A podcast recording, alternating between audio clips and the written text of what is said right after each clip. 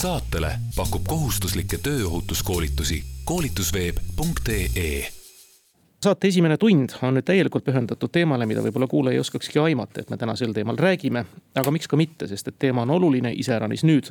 kui väga paljud reeglid ja protseduurid on ka muutunud aasta algusest. iseäranis Britimaale sõites, meil on hea meel tervitada stuudios Maksu- ja Tolliameti tolliosakonna juhti Erik Heldnat, tere Erik. tervist ja aitäh kutse eest oleks nüüd saatust tahtnud, siis iga aasta tagant me võiks teid võõrustada mõne jõuametkonna väga olulise juhina. viimati rääkisime teiega kui sõjaväeluure asejuhiga, me võiks rääkida ka Kaitsepolitseiameti töömaile puutuvast äh, narkokuritegevusest, millest kõigest veel, aga võtame sihikuks siis nüüd tolli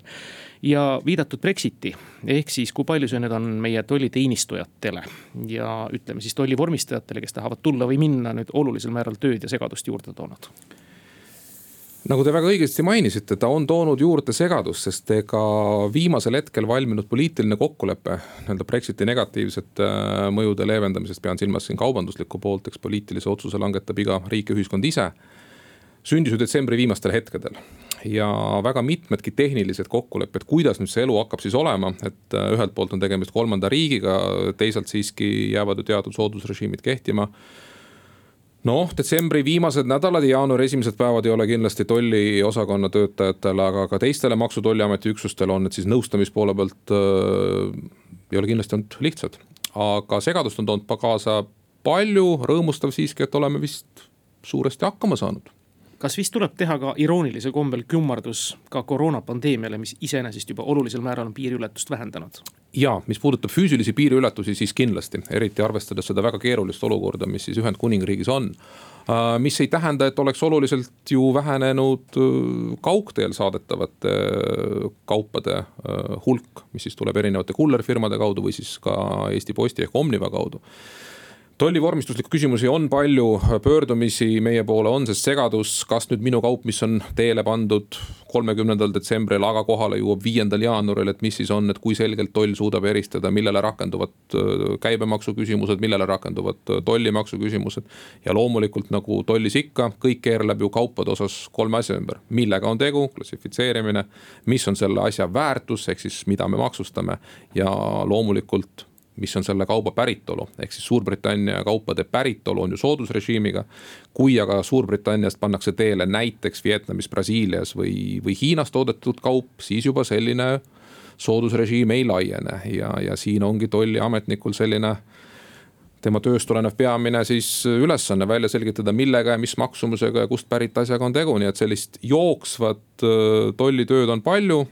aga rõõmustame ennast vähemalt sellega, et kui me vaatame ja oleme rääkinud oma siis Hollandi ja Prantsuse kolleegidega, siis ilmselgelt see on ikkagi meil siin väga, väga leebe.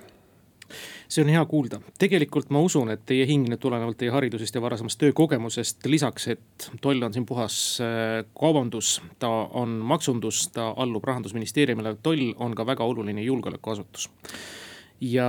kõik see, mis puudutab siis seda tollikaupa, mida tingimata nüüd äh, sissetulijad ei deklareeri, sest nad ei taha seda teha ja kõik muu on siis selline see pärusmaa, millest me võtame võib-olla isegi vähe pikemalt kõneleda edaspidi. Väga hea, äh, sooviks siiski küll ära mainida, et äh, toll, Maksu- ja Tolliameti allüksusena ei ole küll julgeolekuasutus, julgeolekuasutusi on Eestis siis kaks, Välisluureamet ja, ja Kaitsepolitseiamet tal on väga oluline julgeolekufunktsioon, seda küll, et äh, ta on üks unikaalne jõustruktuur, kuna äh, toll tegutseb ju suuresti Euroopa Liidu õigusaktide mõttest tulenevalt. tollimaks on ka see maks mis, mis kaheksakümmend protsenti ei laeku ju ka mitte Eesti riigieelarvesse. ehk siis see piltlikult öeldes julgeolekuline mõõde on küll tõsi, igast tolliinspektorist Luhamaa või Narva piiripunktis või, või Muugal, ükskõik, tegeleb ta vormistusega või tegeleb ta siin tolli peamajas, Maksu- ja Tolliameti peamajas peamajas mõne arendusküsimusega, algab viiesaja miljoni eurooplase turvalisus. et see ei ole sõnakõlks ja nagu tolliseadus paragrahv neli ütlebki, et äh, toll on loodud selleks, et kaitsta ühiskonda ja majandust ja siin me räägime Euroopa Liidu ühiskonnast, nii et te mainisite väga õigesti. tal on väga oluline julgeolekumõõde. saatele pakub kohustuslikke tööohutuskoolitusi koolitusveeb.ee jätkame saadet, Kuku raadio saate külaline on Maksu- ja Tolliameti tolliosakonna juhataja Erik Heldna. ega toll uudiskünniseid ju ületab tavakodaniku jaoks ikka siis, kui me saame teateid konfiskeeritud salasigarettidest Valgevene rekkadelt või Vene rekkadelt. mis on meil siin läbimas või sisse toodamas ja teinekord võib-olla isegi pahandatakse, lugedes uudiseid selle kohta, et vaene pensionär, kelle ainus sissetulek äh, väga madala pensioni kõrval on siis ka natukene sisse smugeldada Ivangorodist plokk või paar äh, lubamatuid sigarette, et miks te siis nüüd vaest inimest noh, piltlikult öeldes siis kiusate. aga need on muidugi väga olulised asjad, sest et sigarettide pealt makstav, maksmata jäänud maks on tegelikult väga suur maks. aga laias laastus see, ma eeldan, on ikkagi teie töö jäämäe väga veepealne osa kas ta nüüd on jäämäepealne osa, et sõltub, kas me räägime mahust või me räägime ühe või teise tegevuse mõjust, ükskõik kas siis majanduse kaitsmisele või ühiskonna turvalisusele laiemalt. Et äh, loomulikult salasuits, mille lõppsihtkoht ei pruugi olla jällegi Eesti, vaid äh, nagu me meie saate alguses ju mainisime, et see kõik, mis tuleb siia sisse, ohustab ju Euroopa Liidu ühiseid huve ja nagu on ka Euroopa toll, Euroopa Liidu liikmesriikide tolliasutuste arengustrateegia paika pannud aastaks kaks tuhat nelikümmend, me ei peaks mitte koos töötama, vaid me peaksimegi töötama kui üks. et äh, tolliruum on üks väheseid selliseid õigusvaldkondi, mis on Euroopa Liidu tolliõigus reguleeritud praktiliselt äh, ilma eranditeta liikmesriikidele salasigaretid ja muu keelatud kaup, ka me näeme nii-öelda suurt pilti, selge see, et me ei pane oma teravikku ju iga piiriületaja ja praegu jällegi Covid tingimustes kindlasti see piiriületus üle, üle Narva või, või üle Luhamaa ja Koidula on ju kordades ja kordades väiksem, sisuliselt ju reisijate mõttes olematu, kaubaliiklus käib jätkuvalt edasi. tark toll mis on meie arenguvisioon aastaks kaks tuhat kakskümmend üks ja sealt edasi, tähendabki seda, et me esiteks keskendume nendele asjadele, mis tulenevad riskianalüüsist ja otsime üles siis need õiged rikkujad. teiseks, tollikuulekus on ju piisavalt kõrge, mis tähendab seda, et neid rikkujaid, kes ei järgi tollireegleid, mis on osa maksutahtest on ju tühine protsent, me räägime ikkagi alla kümne protsendi, me räägime üksikutest protsentidest. aga see kahju võib olla suur ja eriti, kui me hakkame rääkima nüüd nendest keeldudest ja piirangutest, mis on siis seotud kas A väga ohtlike esemetega, on need siis äh, radioaktiivset päritolu, on need kahese otstarbega kaup, mis siis puudutab strateegilise kaubaveo küsimusi on see ka näiteks äh, loodushoid. ega siis CITES konventsioon, mis kaitseb ohustatud liike, on väga oluline küsimus tolli jaoks. me ju mitte lihtsalt sellepärast ei võta ära haruldaste loomade äh, nahka või muid tooteid ja väga rangelt ei, ei suhtu sellesse ei mitte mingil muul põhjusel, me tahame, et see looduskeskkond säiliks ka edasi, nii et äh, toll on niivõrd laiapindne äh, kaitseorganisatsioon, kui nii saab öelda, et alates tõesti sellest kiirest ja mugavast liikumisest, lõpetades siis sellega, et, et ohtlikud asjad siia ei tuleks ja, ja keskkond säiliks see teeb selle tollitöö kindlasti unikaalseks, aga tulles tagasi korraks selle nii-öelda õnnetu tavakodaniku, nagu te mainisite, ahistamisega, et kes, kes ületab paari suitsupakiga või siis keelatud plokiga äh, näiteks Narvas ja Ivangorodi vahelise silla see ei ole loomulikult prioriteet number üks, aga tollikuulekuse ja laiema ühiskonna sellise sõnumi saatmisega. me ei saa ka loomulikult tolereerida seda, et me loome reeglid ja siis ise piltlikult öeldes vaatame neist mööda, et see võib kaasa tuua ka sellise noh, karistamatuse efekti, et ja tegelikult ka lugupidam-, lugupidamatuse riigi vastu tervikuna, et noh, kirjutagu nad ette, mis tahavad ja sealt kaugemalt toob ta kindlasti juba kaasa, et noh, et aga miks ma pean ka makse deklareerima, miks on üüritulu vaja deklareerida. ja kas purjus peaga sõitmise keeld ikkagi on absoluutne või, või natuke ikka võib, nii et ma usun, et siin ei saa sellisest laiemast ühiskondlikust sõnumist mööda vaadata me räägime tolliametnikest, kes mitte ainult noh, ei kontrolli kaup, kaupa, mis sisse toodud, kaupa, mis välja viidud ja noh, selle pealt siis maksemäära. vaid me räägime tegelikult ka tollist kui menetlusasutusest, kellel on täiesti vastav uurimispädevus olemas, ma ei tea, kas teil, teil on vist ka jälitamisõigus olemas ja, ja kõik säärased asjad, ehk siis te olete ka täiesti omaette toimiv selline või siis koostöös kellegiga toimiv selline politseiline struktuur kes ajab, toimetab, peab pikaajalisi plaane, operatsioone vastavalt operatiivinfole, mida sisse tuuakse, kavatsetakse ja nii edasi jah, väga õigesti ütlesite, Maksu- ja Tolliamet tervikuna,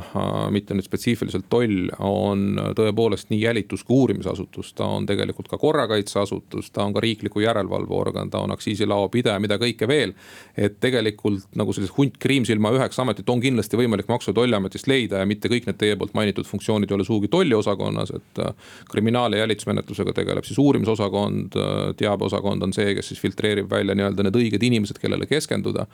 ja tollil loomulikult on olemas ka enda menetlusvõimekus, et need tollialased süüteod, mis siis puudutavad puudutavad siis tolli eeskirjade rikkumist, loomulikult menetletakse tollis ja ka seal ei ole mõtet piltlikult öeldes mõt, äh, mõtet minna kahurist varblast laskma, et ka seal sa pead keskenduma sellele, mis toob äh, kaasa mõju. nii et jah, Maksu- ja Tolliamet on kindlasti üks väga väärikatest jälitus- ja uurimisasutustest koos Politsei- ja Piirivalveametiga, Kaitsepolitseiametiga ja kõikide teistega, kes, kes siis ühiskonda läbi selle nurga kaitsevad, aga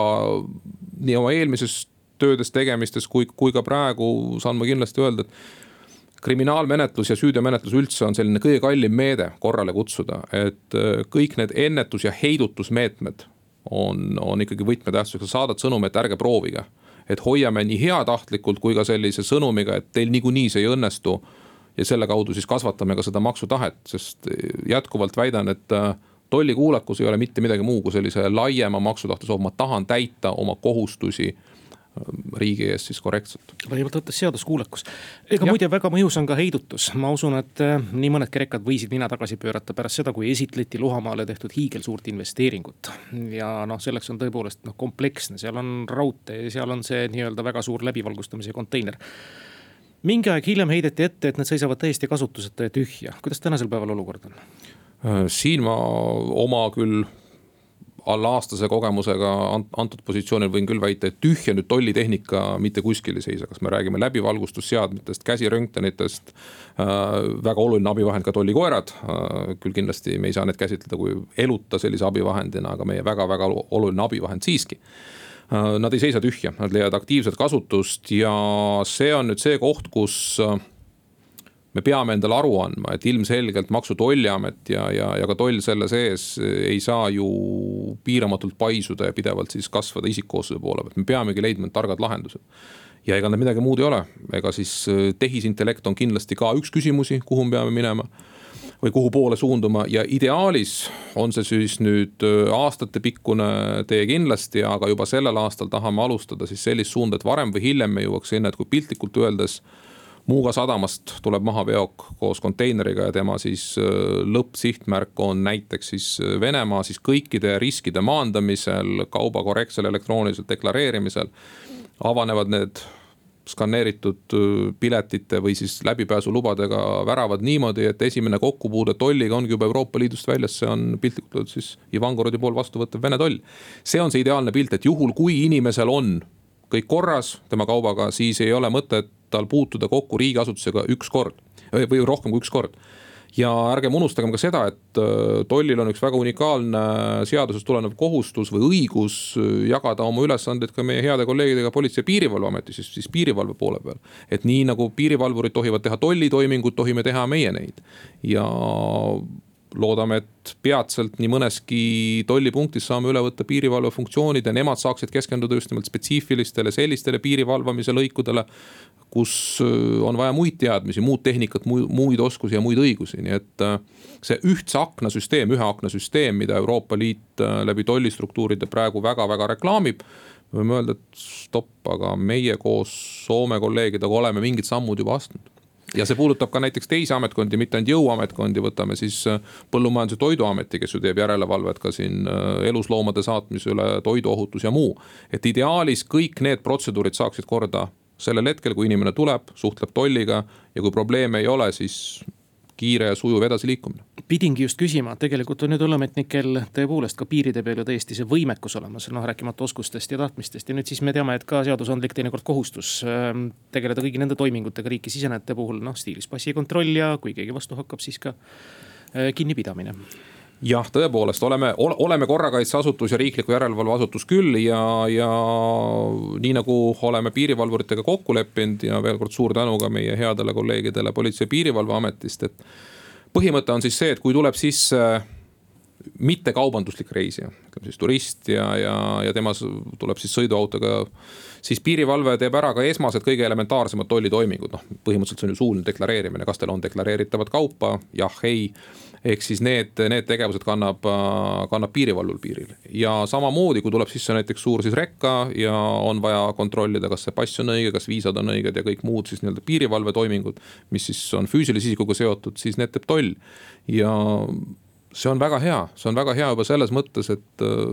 inimene näebki, riik tegutseb selles küsimuses ühtsena. mitte ainult, et, et Maksu- ja Tolliamet on, on ühtne tervik, alates siis äh, teenindusest, lõpetades siis tollifunktsiooniga. vaid riik tervikuna, et ka see piiri valvamise funktsioon, mis jah, on kõige jõulisem, kõige paramilitaarsem funktsioon siis Maksu- ja Tolliametis. kõige vormikandvam, ütleme siis niimoodi, on, on riigis lahendatud väga otstarbekalt ja mul on väga hea meel selle üle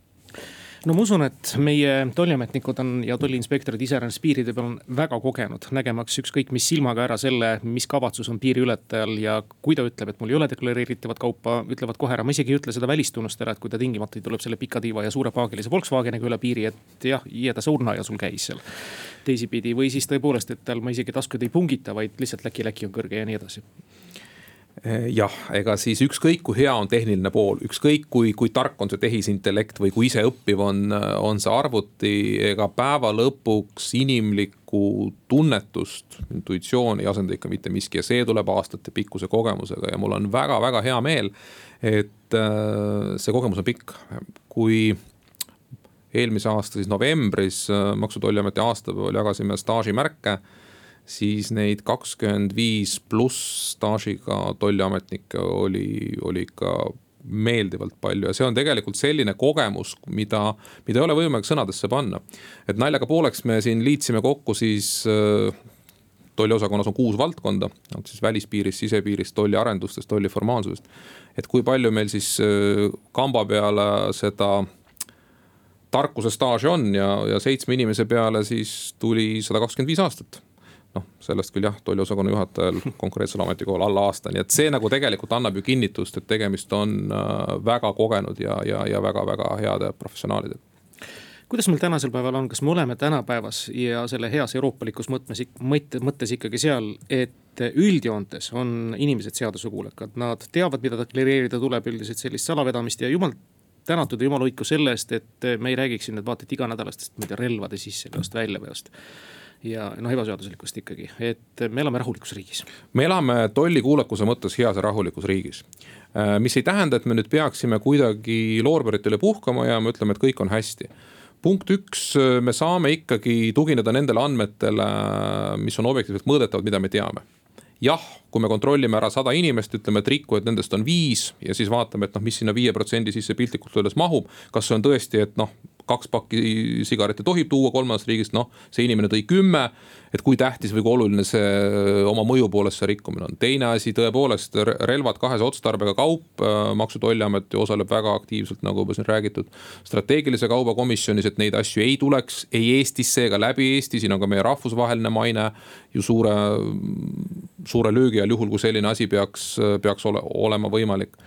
aga väita, et me omame nüüd sajaprotsendiliselt adekvaatset pilti sellest, mis toimub, mitte üks riik ei oma. Aga tuginedes nendele andmetele, mis on, analüüsides siis seda, mis toimub tänavatel, äh, erinevad ju uuringud näiteks ka salasigarettide ära visatud pakkide järgi on olemas äh, küsitlused ja kõik muu. Äh, ma usun, et Maksu- ja Tolliamet on näidanud aastate jooksul, et oleme küll uuenduslikud ja suudame nii-öelda kõrvutada erinevaid andmeid ja teha nende pinnalt järeldusi. me elame rahulikus riigis, seda võib kinnitada, aga see tähendab ka igapäevast tööd piltlikult öeldes tolli tagatubades, tolliarenduses piiridel ja mida me ei tohi unustada, mis on väga oluline asi, mida tihtipeale tollist rääkides jääb kahe silma vahele, on tolli õigusruum. see on see, kus väike Eesti saab tegelikult palju kaasa rääkida me läheme siinkohal väikesele pausile, mis kätkeb endas pool tunni uudiseid, tasutud teadaandeid, aga pärast kella poolt kolme, kellel on huvi nüüd tolliasjanduse vastu, kellel on tolliteemalisi küsimusi, kellel on midagi just neil päevil kas saata või viia vaja. ma loodan, et Eerik oskab vastata ka üksikasjaliselt stiilis, kas Lõuna-Aafrikasse tohib näiteks viia kilpkonni. et siis need küsimused saavad ka vastuse. saatele pakub kohustuslikke tööohutuskoolitusi koolitusveeb.ee kolmkümmend kolm minutit on kell üle kahe, meil on külas Erik Helda, Maksu- ja Tolliameti tolliosakonna juhataja. Erik, kuidagi on mulje jäänud, et teid ja teie teadmisi jurisdiktsioonist ja juurest on kutsutud rakendama kindlasti kõikidesse jõuametkondadesse, kuhu teid on ametisse kutsutud, et teeme mõne seaduse või seadusandliku asja või praagi korda. mis on siis nüüd Maksu- ja Tolliametis olnud see soov konkreetselt teile tolliosakonna juhatajana, kas on mõni seadus, mis on, ma ei tea, kas jätnud Eesti tollinduse kuidagi niimoodi halli ja mitmeti mõistetavasse tsooni, mis tahab parendamist saada? Tõepoolest juristi taust ikka nii plusside kui miinustega ju kaasas käib. miinustega siis selles osas, et äh, kipud asju vaatama, et äh, kuidas saaks neid tõlgendada ja nagu ikka, mitu juristi ja, ja veel rohkem arvamusi. mis puudutab tollivaldkonda, siis siin äh, tolliõigus on väga spetsiifiline, ta on seotud ju tihedalt Euroopa Liidu õigusega. ja mul tundub, et üks momente, kus Eesti hääl saab olema kuuldavam, mida aktiivsemalt me võtame sõna Euroopa Kohtu eelotsuste osas see on see tegelikult, kus Eesti saab võrdväärselt rääkida ju teiste riikidega. kindlasti on tolliseaduses ja, ja ka meie korrakaitseõigusi puudutavates kohtades parendusi et me saaksime rohkem aru, et toll ei tegutse kuidagi eraldi muus ruumis teiste eriteenistujatega, et me tegelikult oleme lahutamatu osa neist ja mulle tundub, et. et nii mõnedki, mõnedki kohad jätavad nagu meile piltlikult öeldes vähem tööriistu kui samad tööd tegevatel näiteks piirivalveametnikel meenutame headele kuulajatele, et kui teil nüüd on tollindusega seonduvalt küsimusi, siis telefon kuus, kaks, üks, neli, kuus, neli, kuus ootab neid ja Erik Heldna püüab siis võimalusel küsimuste tekkides või neile ka siis vastata. mis on see tavapärane, millega teie nii-öelda infotöötajate poole pöördutakse, ütleme lihtkodanik, on ta siis tänase päeva omaselt väga moekalt midagi tellimas ja siis tal on äkki mure tekkinud, kui ta on õiguskuulekas ikka, et kas sellega on kõik korras, kas ta peab sealt mingit lisa maksma või mis sellega on? No kindlasti on Brexit ja postipakkidega seonduv on toonud äh, väga palju meie kolleegidele teeninduspoolelt siis tolliinfosse küsimusi. seda nii telefoni teel, seda, seda e-kirja teel pöördumisele. ja kuna esimesest juulist jõustub ka kindlasti posti teel kaubandust väga palju mõjutav reegel, mis siis tähendab seda, et äh, maksud hakkavad kehtima, käibemaks hakkab siis kehtima kõikidele saadetistele kolmandas riikides alates väärtusega null eurot senine kahekümne kahene piir, mis tingis ka väga palju odavate siis selliste pisiasjade tellimise Hiinast. enam ei ole nullmaksumääraga, siis nii järelevalve selle üle kui ka kindlasti küsimused. et aga mis siis on, mis siis saab, vot kui ma tellin viieteist eurose asja, kui lihtne on seda deklareerida. et äh, me oleme päris palju panustanud äh, oma tolliarenduses sellesse, et inimene saaks mugavalt ja kiiresti selle deklareerida ise, et tal ei kaasneks sellega täiendavaid kulutusi veel. et olgugi, et ebamugavus tekib ja kindlasti paljudele inimestele valmistab meelehärmi, et miks ma nüüd pean veel maksma täiendavaid makse. aga et vähemalt see protsess ise oleks sujuv ja kiire, et kuus, kaks, üks, neli, kuus, neli, kuus, meenutame headele kuulajatele siis meile tulevat telefoninumbrit. üks vahe, ma ei tea, kui probleem ta praegu on, aga eeskätt nüüd kolleegid kriminaalpolitseist seisavad silmitsi ilmselt selle küsimuse ja katsumusega, mis äh, laieneb kindlasti ka tollile, on see, et ega keelatud ainete, narko ja psühhotroopsete ainete nimekiri ei jõua nii kiiresti täieneda, kui see turg, mis neid ainult juurde toodab Hiinast ja mida siis nii-öelda karistuse kartmata alati ka postipakis teenitakse ikkagi psühhotroopse ainena, mitte kindlasti nüüd lihtsalt huvikeemikuna kahjuks see nii on, et äh, posti teel nii kullerfirmade kui ka nagu öeldud, siis universaalse postiteenuse osutaja kaudu liikuvad narkootiliste ainete kogused on väga murettekitavad, et enne Maksu- ja Tolliametisse tulekut ma ausalt öeldes äh, vist noh, selge see, et kaitseväe luures ei puutu sellega kokku, aga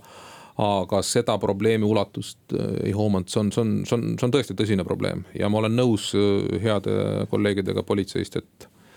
keemiatööstus käib paraku siin eespool ja, ja toll on kindlasti see, kes puutub selle probleemiga vahetult kokku. nii et meie posti tollipunkt on kindlasti üks selliseid nii-öelda eesliini üksuseid ja mul on hea meel, et nad on professionaalsed ametnikud. kas ei ole see siin koht, et äh, kuidagimoodi teha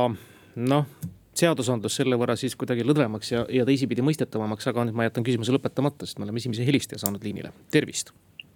no tervist, ma tahan seda küsida selle narko, postinarkoga või kuidas seda nimetatakse et mis nende tellijatega tehakse siis? kas trahvid või mingid sanktsioonid või, või, või mida tehakse üldse ja mis plaanis teha on või ei tehta mitte midagi? aitäh, äh, nii nagu kõikide narkokuriteo toime pannud isikutega, neid asju menetletakse ka siis süüteo puhul väärteo või kriminaalkorras, kui on tegemist siis selliste pisemate kogustega, siis on, on tegu väärteoga, mille eest võib määrata nii rahatrahvi, võib määrata ka aresti. kriminaalasjade puhul siis äh, kolleegid uurimisosakonnast tuvastavad välja, kas on olnud edasiandmise eesmärgil või mis, kas tegu on üksikisikuga, tegu on grupiga ja võin kinnitada väga-väga suur osa neid inimesi leitakse üles, nad lähevad kohtu ette, et siinkohal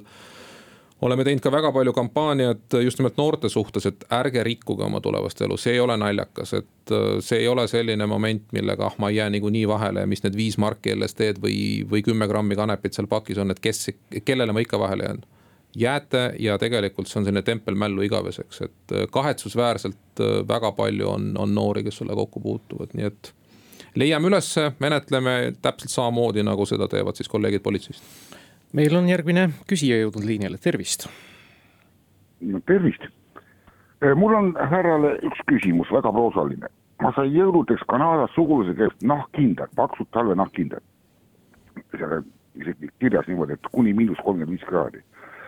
ja, ja selle pealt ma pidin tolli maksma kaheksakümmend viis eurot. on see nüüd noh, on seegi normaalne või?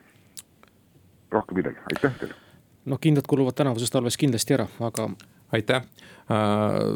küsimusele, kas see on normaalne või mitte, on mul väga keeruline vastata, mina saan vastata, kas see on äh,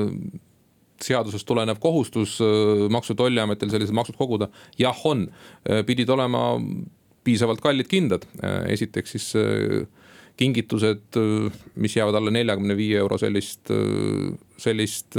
tolli ega, ega muud maksu kaasa ei tooks. Kanada on kolmas riik, Kanada ei ole Euroopa Liidu liikmesmaa ja, ja paraku täiendavate maksudega siin arvestada tuleb, siis nii käibe kui, kui tollimaksuga, aga niivõrd suur maks tähendabki seda, et need väga kvaliteetsed ja korralikud ja kallid kindad peaks olema, kahetsusväärselt jah midagi pole teha, kolmandatest riikidest tulev kaup Euroopa Liidu siseturu kaitseks on maksustatav ja, ja jõudes nüüd selle postipaki küsimuse juurde, kas on mingisugune lahendus olemas, et me saaks seadusesse vaadata nõndaviisi, et me ei pea ükshaaval neid keelatud aineid nii-öelda nimekirja lisama, mida siis nüüd ka tõepoolest ka mitte seadusekuulekad inimesed saavad ka näpuga järge ajada, et vaat see veel ei ole. vaid me saamegi üleüldiselt rääkida mingisugusest psühhotroopiliste ainete kogumist, mida ei tohi lihtsalt, mis on seadusega keelatud üksteisele saata siin nüüd kõneleb mitte tolliametnik, vaid jurist, et just. Äh, kas on võimalik teha sellist väga abstraktset õigusnormi, kus öeldakse, et juhul kui midagi sarnast tood, siis me sind selle eest karistame on ikkagi väga keeruline, sest teatavasti karistusõigus ju keelab analoogia rakendamise, et. see peab olema väga selgelt kirjeldatud tegu, inimene peab aru saama, teda karistatakse mille eest ja et ta ei paneks toime seda tegu, mida ta siis äh, ei tee. ehk siis selline arusaamine eelkõige, et see peab olema õigusselgus teine asi, mis on praktiline, siin on kindlasti eelkõige praktilist sisendit vaja sotsiaalministeeriumi haldusalast, sest see kõik ju puudutab ju rahva tervist et kas on võimalik neid aineid grupeerida kuidagi üldisemalt, vältimaks siis seda, et iga üksik keemiline valem on välja kirjutatud siis. et äh, kas on võimalik grupeerida, on küsimus sotsiaalministeeriumile. kas äh, leidmaks mingi otstarbekas viis mitte joosta nii-öelda illegaalsete keemikute sabas, jah, ma väidan, et see kindlasti oleks otstarbekas vaadata pildile peale ma just mõtlengi stiilis, et jah, no vastus sai olemas, et eh, ühel hetkel on no absurdne näide nüüd, amfetamiin lubatud, metamfetamiin mitte, ehkki noh, suurt vahet ju tegelikult ei ole nende mõjualades. aga me läheme siinkohal väikesele reklaamipausile ja siis võtame ja ootame telefonile taas häid küsijaid Maksu- ja Tolliameti teemadel. Te kuulate saadet nelikümmend kolm minutit on kell üle kahe, telefonile kuus, kaks, üks, neli, kuus, neli, kuus on oodatud head kuulajad, kellel on küsida ainult midagi tollitemaatika, kas siis maksude või mingisuguste asjade kohta, mida tohib, mida ei tohi konkreetselt piiri ületades, kas vedada või siis ähm, saata. meil on külas Erik Heldna, Maksu- ja Tolliameti tolliosakonna juhataja kas toll on selles mõttes noores Eesti Vabariigis ennast juba paika loksutanud, et mingisugust struktuurireformi, mm, mingisugust asja, kas ta vajab mingit eraldi osakondade loomist, millegi kokkuliitmist, et ta praegusel hetkel toimib see struktuur nii, nagu te olete tolliosakonna juhatajana rahul? jah, kindlasti olen rahul sellega, et riik on väga optimaalselt lähenenud oma vahenditega, et kõige suurem struktuurireform oli ju Maksu- ja Tolliameti liitmine, et noh, piltlikult öeldes võiks ju Maksu- ja Tolliamet üldse nimetada tulude ametiks, ta kogub riigile tulusid. ja jõustades siis selle kaudu või, või tehes seda siis erinevate seaduste jõustamise kaudu. nüüd tolli funktsioon läbi selle Euroopa Liidu õiguse on niivõrd spetsiifiline sellepärast ongi jagamatu ühtne tervik ühe osakonnana. mis siis hõlmab endas tegelikult ju alates juriidilisest poolest, lõpetades välissuhtlusega ja kõik, mis sinna vahele mahub äh, kas ta on nüüd noor, ega siis Maksu- ja Tolliamet jah, on võib-olla noorem kui mitmed muud ühendametid. aga toll ise tähistab ju sellel aastal oma kolmekümnendat taasloomise päeva, nagu meie head kolleegid politseist ja kaitseväest ja mitmest muust ametkonnast, et. oleme täpselt, täpselt sama vanad ja vabadussõja tingimustes ju tolli alguspäev on kakskümmend üks november, nii et loetud päevad enne, enne, enne vabadussõja algust, tuhat üheksasada kaheksateist. kuus, kaks, üks, neli, kuus, neli, kuus on stuudios telefon. kui palju te üleüldse nüüd äh, tollis, Maksu- ja Tolliameti osakonna juhina saate juhinduda Eesti seadustest, kuivõrd-niivõrd palju on asjad seotud ka Euroopa Liidu õigusega? no Eesti kuulub ju Euroopa Liitu aastast kaks tuhat neli ja see õigusruum, mis, mis puudutab tolli, jah, need küsimused on Euroopa Liidu ainupädevuses. Eesti saab seal kaasa rääkida. jah, meie tolliseadus, mis kehtib, viitab väga palju liidu tolliseadustikule. ja see ongi sellises kaheses õigusruumis, piltlikult öeldes isegi mitte kaheses, ta on omavahel integreeritud õigusruumis mitme õigusakti alusel, mida tuleb arvestada, on see, et mitmed juhised, ühiste seisukohtade väljatöötamised on kindlasti bürokraatlikumad ja, ja, ja see protsess on keerulisem kui näiteks ühe või teise muudatuse läbiviimine Eestis. me oleme Eestis natuke heas mõttes ära rikutud, et ahah, meil tekkis vajadus, selge, üks või teine ministri määrus, üks või teine vabariigi valitsuse äh, otsus vajab muutmist, ka, ka seadusloome. see ei ole siin keeruline, kui me räägime liidu tolliseadustikus ühe või teise artikli ümberkirjutamisest. ja me räägime, et laua taga istuvad kakskümmend seitse riiki, siis see protsess on noh, juristile kindlasti sellist ajugümnastikat võimaldav, et äh, are, arenemist äh, tolli õigusruumis töötamine tolliõiguse valdkonnas jah, pakub väga teinekord on võib-olla hea liikleja pannud tähele Tallinn-Tartu maanteel liigeldes või muudel suurematel trassidel, et ühel hetkel muutub see liiklus võimatuks ja siis kirub kindlasti tolli. ah, nüüd lasid sellele saadetise lahti, kes tulevad siis pikkade rividena, pikkad rekad, ütleme tuttuute sõiduautodega, mis on sisse toodud ja senimaani siis Paldiski eluas oodanud. kumuleerunud ja siis moodustavad need kilomeetri pikkuseid suuri rekkasabasid. ehk siis, kas on, on see nõndaviisi, et tolli taga seisab asi, et ühel hetkel laseb kõik need autod turule minna, kui kõik asjad on korras või on ikkagi asi nüüd autode vahendajates? No transporti korraldab ikkagi transpordifirma, et toll kindlasti ei ütle, et nüüd on sinu kohustus hakata Paldiskist äh, punkti X sõitma. jah, tolli formaalselt peavad olema täidetud, seda küll. aga oleme ju kolleegidega piirivalve poole pealt väga tõsiseid järeldusi juba aastaid tagasi teinud, et kuidas paremini korraldada piiriületust ju just nimelt idapiiril, et vältida neid päevade ja päevade pikkuseid järjekordi. oli ju selliseid hetki, kui keskmine ooteaeg meie piiril oligi viiskümmend tundi täna me räägime, et ikkagi sõidu või vabandust, veoauto peaks üle piiri pääsema ne nelja tunniga. nii et äh, ei ole nii, et me nüüd kogume kokku ja siis laseme suured portsud äh, liiklust häirima, et see on ikkagi logistikaettevõtete äh, korraldada, kuidas on otstarbekam teha. aga transiit läbi Eesti on ka üks ju tegelikult sissetulekuallikaid, et äh, loomulikult, mida laiemad ja kiiremad on meie teed, seda mugavam, aga me ei saa unustada, et asudes sellisel unikaalsel kohal mm, kaubaväravana siis äh, Lääne-Euroopasse või Põhja-Euroopasse ja, ja Venemaa Föderatsiooni vahel. tollil on nii ühed funktsioonid kui ka see, et see on tegelikult meie majanduse võimalus kütus, me ei ole sellest palju jõudnud rääkida, aga see ilmselt on üks peavalu tekitanuid või vähemasti tegevust andnud äh, valdkondi tolliametnikele ikka. kuidas sellega praegu jaotunud on, pole nüüd suuremaid uudiseid kuulda olnud, küll värvitud ja küll värvimata kütusest ka külmal perioodil. mida, kus kasutada täpselt tohib, küsime kõigepealt, kellele on see nii-öelda järelevalve ja volitus vaadata, et kas sõidetakse ikkagi sellise kütusega või toimetatakse sellise kütusega, millelt on ilusasti aktsiis tasutud noh, kõik see, mis puudutab maksuhalduri tegevust, on Maksu- ja Tolliamet, muuhulgas siis selline füüsiline kontroll kui ka, kui ka siis erinevad äh, muud kontrollid, mis siis äh, tagavad selle, et ainult korrektselt aktsiise tasutud kütus äh, vabasse ringlöösse läheb. Aga need suured probleemid, millele te viitasite, tegelikult jäävad ikkagi mõne aasta tagusesse perioodi, kus tõepoolest äh, ütleme nii, et kütuseralli, mis toimus meie piiridel, hakkas ühel hetkel juba tegelikult kahjustama meie turismi, sest noh. hakkasid mõtlema ka Venemaalt tulevad turistid, et kas ma ikkagi tahan nüüd tunde ja tunde siin oodata sellepärast, et keegi teeb piltlikult öeldes viis külaskäiku kalmistule, mis asub siis äh, Kagu-Eestis teisel mm. pool, teisel pool Luhamaad. et seda momenti enam ei ole, et mitmed nii töökorralduslikud kui ka vot siin tõesti seadusemuudatused, mis panid väga selgelt paika mida ma tohin tuua, kui tihti ma tohin käia, mis on isiklikuks otstarbeks. ehk siis selline õiguslike vaidluste pool sai läbi ja täna mul on väga hea meel, et see kütuseralli sellisel kujul ei ole kõige aktuaalsem probleem meenutame headele kuulajatele, et ka teie olete oodatud siin saates kaasa lööma, eeskätt oma küsimustega, telefon kuus, kaks, üks, neli, kuus, neli, kuus ja me räägime siis kõike seda, mis puudutab tolli ja tollikaubandust ja võib-olla siin ka inimlike mõõtmete järgi, et usutavasti on kõigil kellelgi kasvõi keegi, kes midagi saadab toodab või, või sisse toob või viib kuidas tollega on, ega aeg-ajalt võetakse meile ju noh, hoiatava näitena ka esile tuua uudistes, ma olen ikka mõelnud, et äh, toll võiks teha ka omaette sellise rändnäituse selle koha pealt, mis on olnud sellised kõige vaimukamad salakauba nii-öelda sissetoomise viisid ja meetodid. et äh, kas tänasel päeval ka väga kogenud kakskümmend viis pluss staažiga tolliametnikud võtavad veel imestada, mida, kuhu täpselt on topitud, et seda üle tuua? Ja inimesed on leidlikud, äh, nii heade kui ka oluliselt vähem heade kavatsustega inimesed ja eks oleme jõudumööda kogunud ka selliseid äh, näiteid, noh kindlasti on intellektuaalse omandi kaitse üks üks jätkuvalt imestumist äh, pakkuv alates täiesti absurdsete kaubamärkide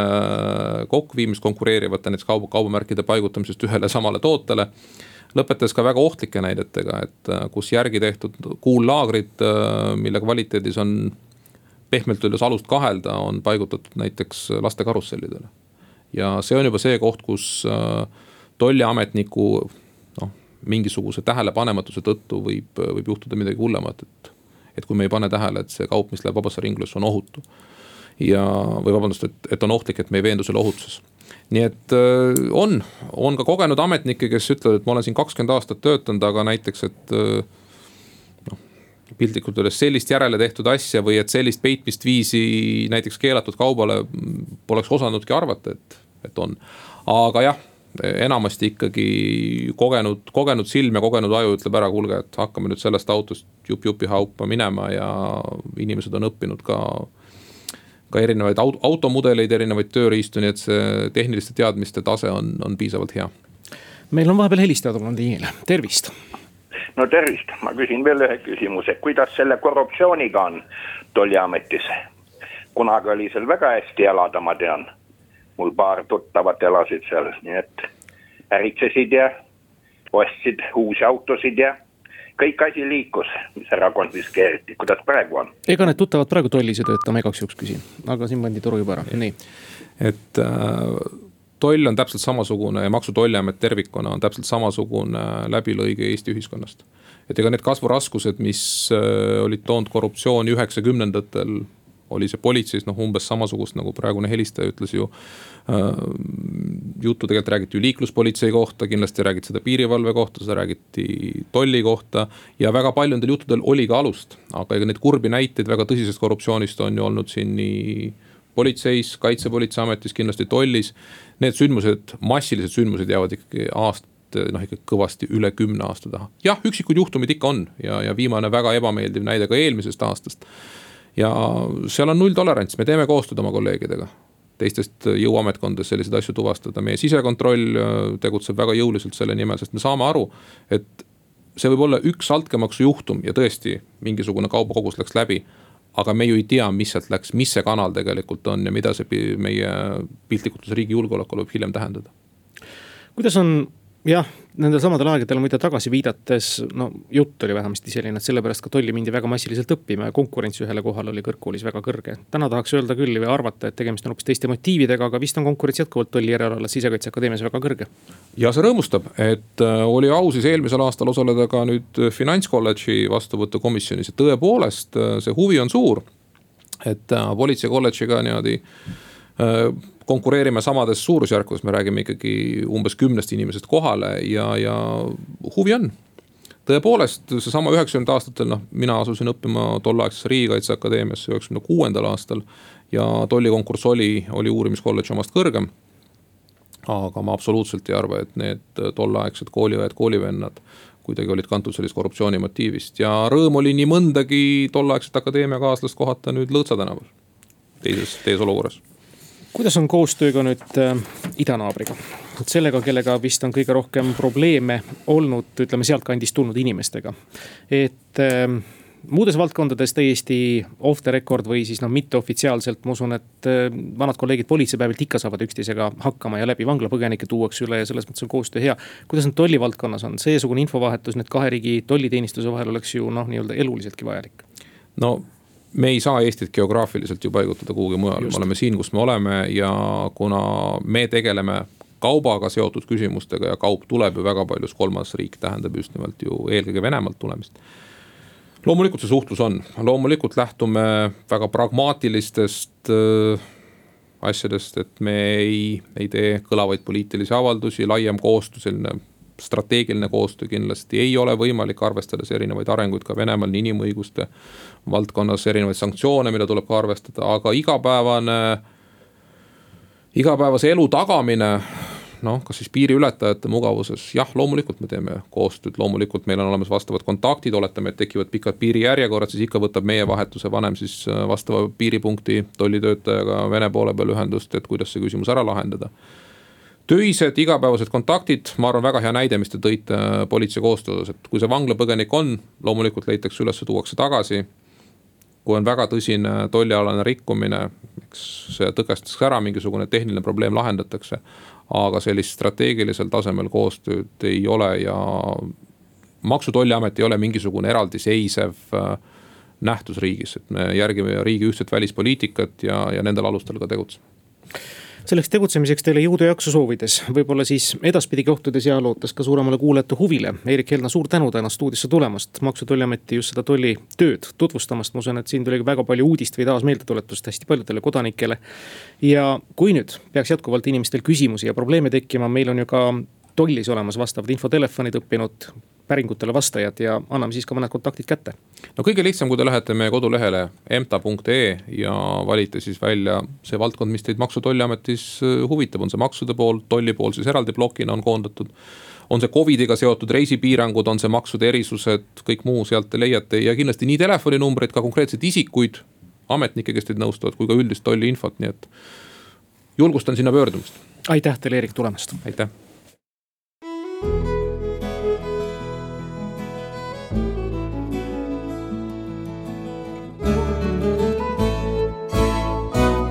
raadio Kuku